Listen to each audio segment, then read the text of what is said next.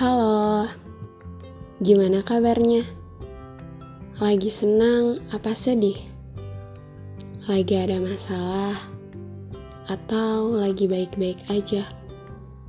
Bagaimanapun kabarmu hari ini, semoga gak jauh dari kata tenang. Ya, semoga.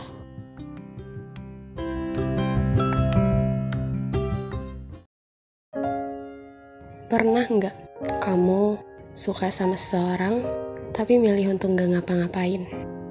Enggak ngejar, enggak nyari perhatian, enggak berlebihan jalin komunikasi sama orang itu. Karena kamu ngerasa kalau dekat bareng dia, kamu jadi insecure. Jadi ada seorang teman, dia baik, bahkan kayaknya dia sudah cukup layak untuk punya pasangan, tapi dia memilih untuk sendiri aja. Padahal dia punya kok sosok orang yang dia kagumi. Dan orang yang dia kagumi itu juga lagi ngedeketin dia.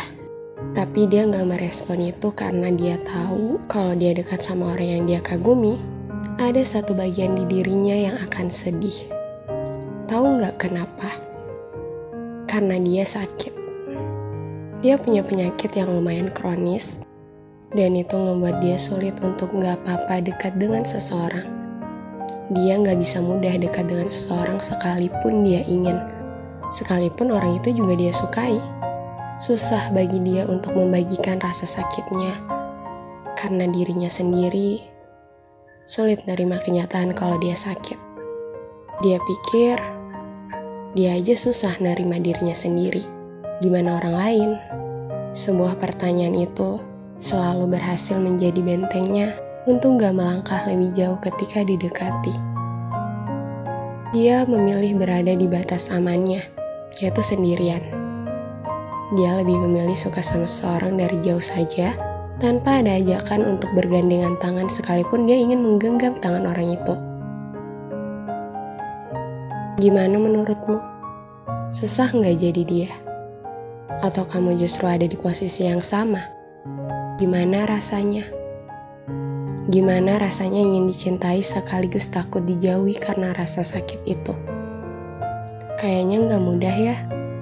Gak mudah karena kamu sudah dihadapkan dengan opsi yang bisa membuat kamu bahagia lebih sering, tapi kamu tetap memilih kesepian dan menyimpan sakitmu sendirian. Ya, kalau memang harus sembuh dulu untuk bisa mencintai seseorang dengan berani, semoga dalam proses sembuh itu jalanmu dimudahkan. Aku tahu, setiap orang sudah punya waktunya masing-masing. Kapan dia dikasih sakit, kapan dia dibiarkan sembuh, kapan dia memilih lebih baik sendiri, kapan dia ditakdirkan berpasangan. Dan kalau sekarang kamu dihadapkan pilihan ingin berbagi rasa sakit itu dengan seseorang, tapi ragu karena takut susah diterima, mungkin ubah aja kali ya mindsetnya. Jadi mikir bahwa barangkali ketakutan itu ada karena Tuhan mau kamu lebih banyak waktu untuk sendiri. Barangkali itu cara Tuhan ngejaga kamu dari kesakitan yang sumbernya bisa dicegah. Jadi, gak apa-apa ya. Gak apa-apa untuk gak dekat dengan siapa-siapa Gak apa-apa kalau kamu lebih memilih nyembuhin diri kamu sendiri dulu. Gak apa-apa banget kalau kebutuhan hati gak jadi prioritasmu.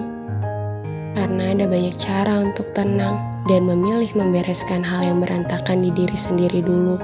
Baru nerima cinta dari orang lain juga jadi salah satu caranya. Sebuah cara yang menurutku keren banget. Karena kamu memilih tidak bergantung dengan peran orang lain untuk sembuh. Selamat ya!